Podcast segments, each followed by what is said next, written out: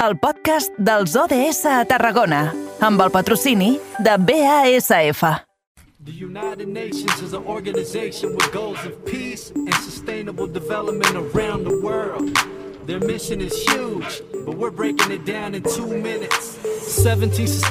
Seguim voltant pel camp de Tarragona i quan passen 7 minutets i mig del punt de les 6, el que fem és adorar-nos als estudis de BX Ràdio perquè allí tenim l'home que més en sap o que tots creiem que més en sap eh, d'ODS, d'Objectius de Desenvolupament Sostenible. Jonai González, bona tarda, bon dijous. Hola, molt bona tarda, Edu.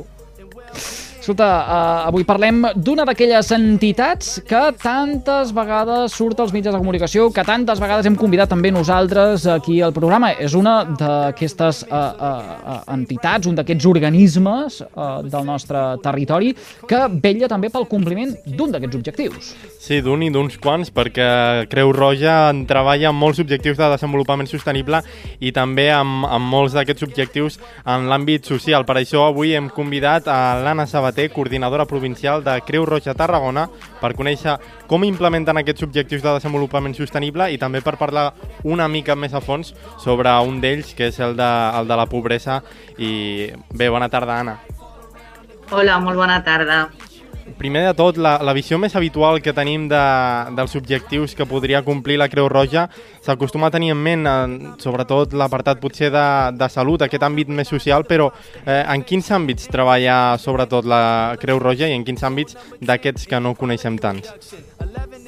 Bueno, jo diria que estàvem repassant no? que dels 17 objectius de desenvolupament sostenible que es van consensuar perquè poguéssim arribar l'any 2030, la Creu Roja d'una manera o altra a treballar per a, per a millorar la situació de gairebé tots, eh? jo diria de, de tots els, els objectius. Bé siguin les seves accions amb les persones més vulnerables, accions d'inclusió social, acció de lluita contra les desigualtats, accions d'apoderament eh, de les dones, però també amb totes aquelles accions molt vinculades a la preservació del medi ambient, no?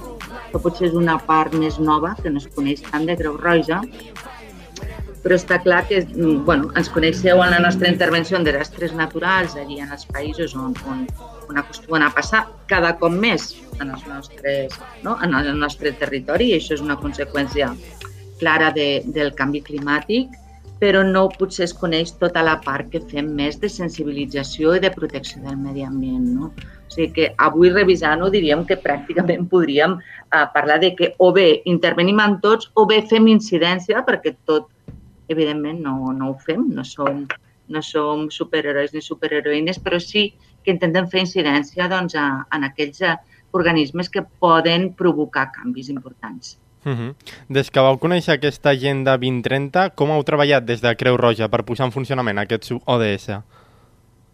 bueno, com us deia això, no ho dèieu al començament Creu Roja, doncs mira, portem 150 anys d'història i nosaltres, la nostra història està molt lligada ja a temes molt vinculats a l'objectiu de desenvolupament sostenible, com són els drets humans, com, com és el dret internacional humanitari, potser un gran desconegut, no? La Creu Roja és l'artífex, la que va, diguéssim, inventar no? totes les sí. normes de la guerra, la protecció internacional, per tant, eh, estem molt vinculats a, a tots aquests objectius. També vam, vam tenir eh, fa uns anys, eh, no recordarà tant, el que es deien els objectius del mil·lenni, que eren més curts, eren precisament per països en desenvolupament, però en aquesta part que ens incumbeix a tots i totes, jo diria que actuem de dues maneres.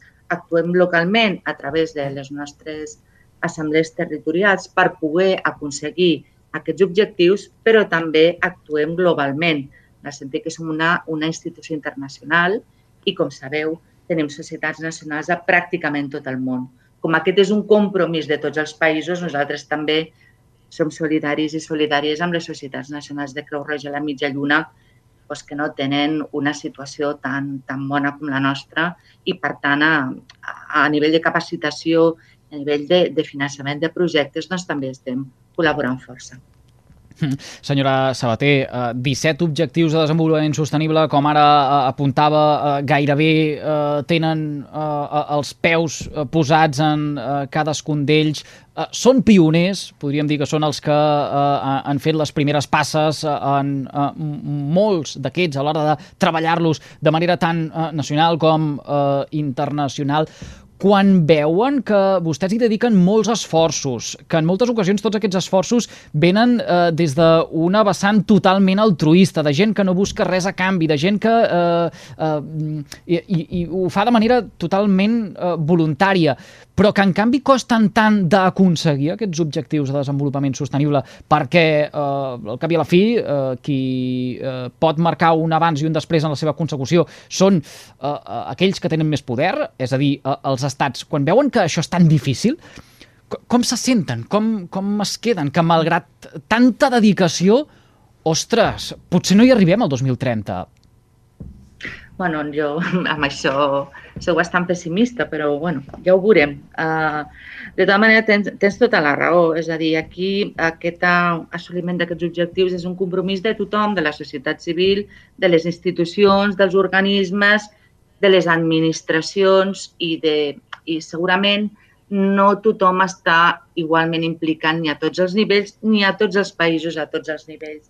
Tampoc les capacitats dels països són les mateixes. Per tant, és un exercici de solidaritat intens perquè no només hem d'aconseguir assolir aquests objectius en el nostre entorn, sinó també intentar ajudar en aquells països que tenen més dificultats per fer-ho. Com dèiem abans, amb les societats nacionals. És més, ho hem de fer, no ho oblidem, d'una manera sostenible, és a dir, que el que avui puguem assolir perquè cobreixi les nostres necessitats, la nostra millora de la qualitat de vida, de les condicions, de la pau, del medi ambient, eh, que tot això no sigui en perjudici de les necessitats de les generacions futures. És a dir, hem de preservar també aquests recursos per garantir que no exaurim tots els que hi ha tant, és un doble exercici. No és només aconseguir-ho, sinó també pensar en el futur. Uh -huh. En l'àmbit de, de la pobresa, per exemple, com es treballa per protegir les persones que tenen dificultats per, per pagar el rebut de l'aigua o, per exemple, el rebut de la llum, que ara està pujant tant? Eh, com, com es protegeix aquesta, aquesta gent? Bé, nosaltres fem unes accions de, de reparació. Vale? És el que més fem amb, amb temes de pobresa, perquè nosaltres no tenim la capacitat de revertir del tot aquesta situació. Quan una persona es troba en una situació de pobresa, nosaltres els hi podem lliurar una ajuda, se'n diu una ajuda però és un dret, vale?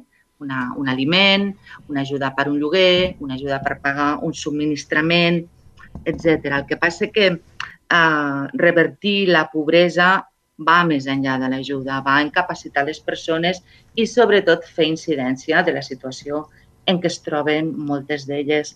D'alguna manera, per a, per a que la situació estigui equilibrada i per acabar amb la pobresa, pues, segurament algú ha de deixar de guanyar tant perquè algú guanyi una mica més. S'ha de fer també, s'ha d'exercir d'una manera solidària. La nostra acció amb, amb què puguem donar a les persones, dotar-les de, de cobrir les seves necessitats bàsiques, no ha de ser l'única. Nosaltres li hem de dir als polítics, a les institucions, que hi ha moltes persones que estan sota el llindar de la pobresa i que necessitem millores urgents per a aquests col·lectius. Hm, suposo, senyora Sabater, que amb la pandèmia tot això s'ha accentuat. Uh, vostès ara tenen més feina, uh, les dades ho, ho demostren. La crisi uh, que ha derivat tant social com econòmica de la sanitària és, és contundent, es deixa notar de manera molt visible en moltes famílies.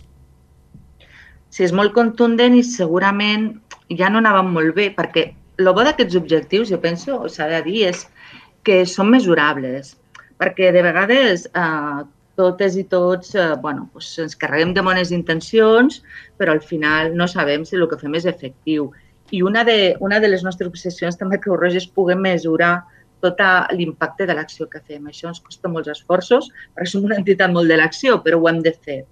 I deia que, que, que aquests objectius eh, són mesurables, hi ha una sèrie d'indicadors per saber si anem bé o malament. I justament ara repassant llegia que estàvem lluny abans de la pandèmia fent una projecció de com estaríem al 2030, que és quan es suposa que els hem d'haver assolit, estàvem lluny d'assolir-los i amb la pandèmia el pas enrere ha estat espectacular. Ha estat espectacular a tots els nivells, a nivells de desigualtats, sobretot internes a la nostra societat, al nostre entorn i també entre països.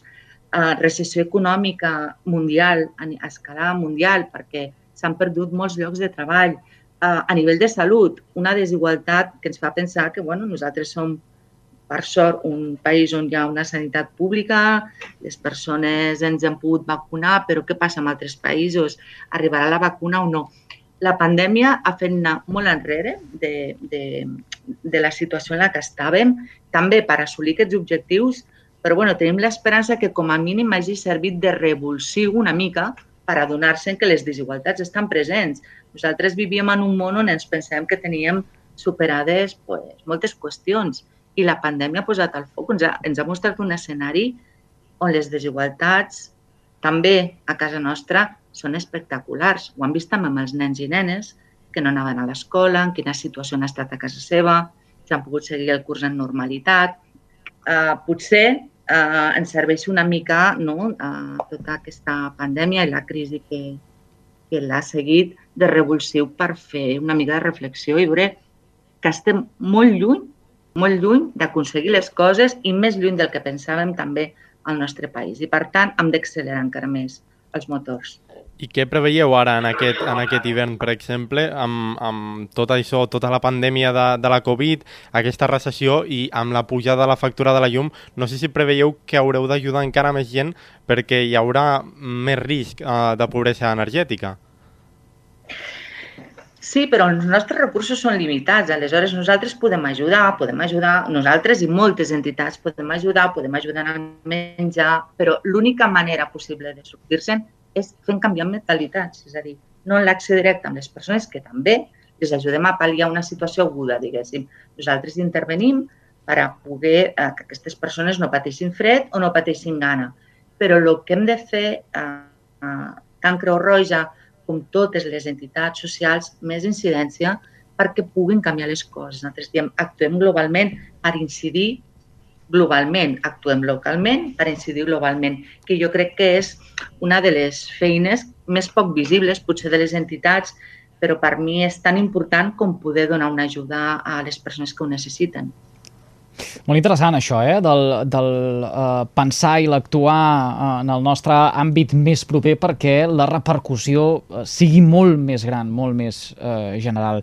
Moltíssimes gràcies a l'Anna Sabater, la coordinadora provincial de la Creu Roja a Tarragona, amb qui un dia més nosaltres eh, parlem dels ODS, dels Objectius de Desenvolupament Sostenible, un d'aquests pilars eh, de la nova temporada de Carrer Major, perquè cada dia nosaltres també volem fer petites passes de cara a assolir aquests eh, objectius que es marca l'agenda 2030 de l'Assemblea de les Nacions Unides. I a més a més estic convençudíssim que eh, no és eh, ni la primera ni l'última vegada que parlem en aquest programa d'objectius de desenvolupament sostenible amb la senyora Sabater. Moltíssimes gràcies, eh, en cas, eh, avui per acceptar la invitació del carrer Major. A vosaltres, moltes gràcies i bona tarda. I, i, enhora, I enhorabona també aquesta feinada que fan és de, des de Creu Roja eh, amb, amb un seguit eh, d'accions eh, vaja que eh, si ara eh, haguéssim d'enumerar no, no acabaríem mai. És per, per treure'ns el barret Jonai, al davant de tot el que fan eh, organismes, entitats com, com la que eh, explicàvem ara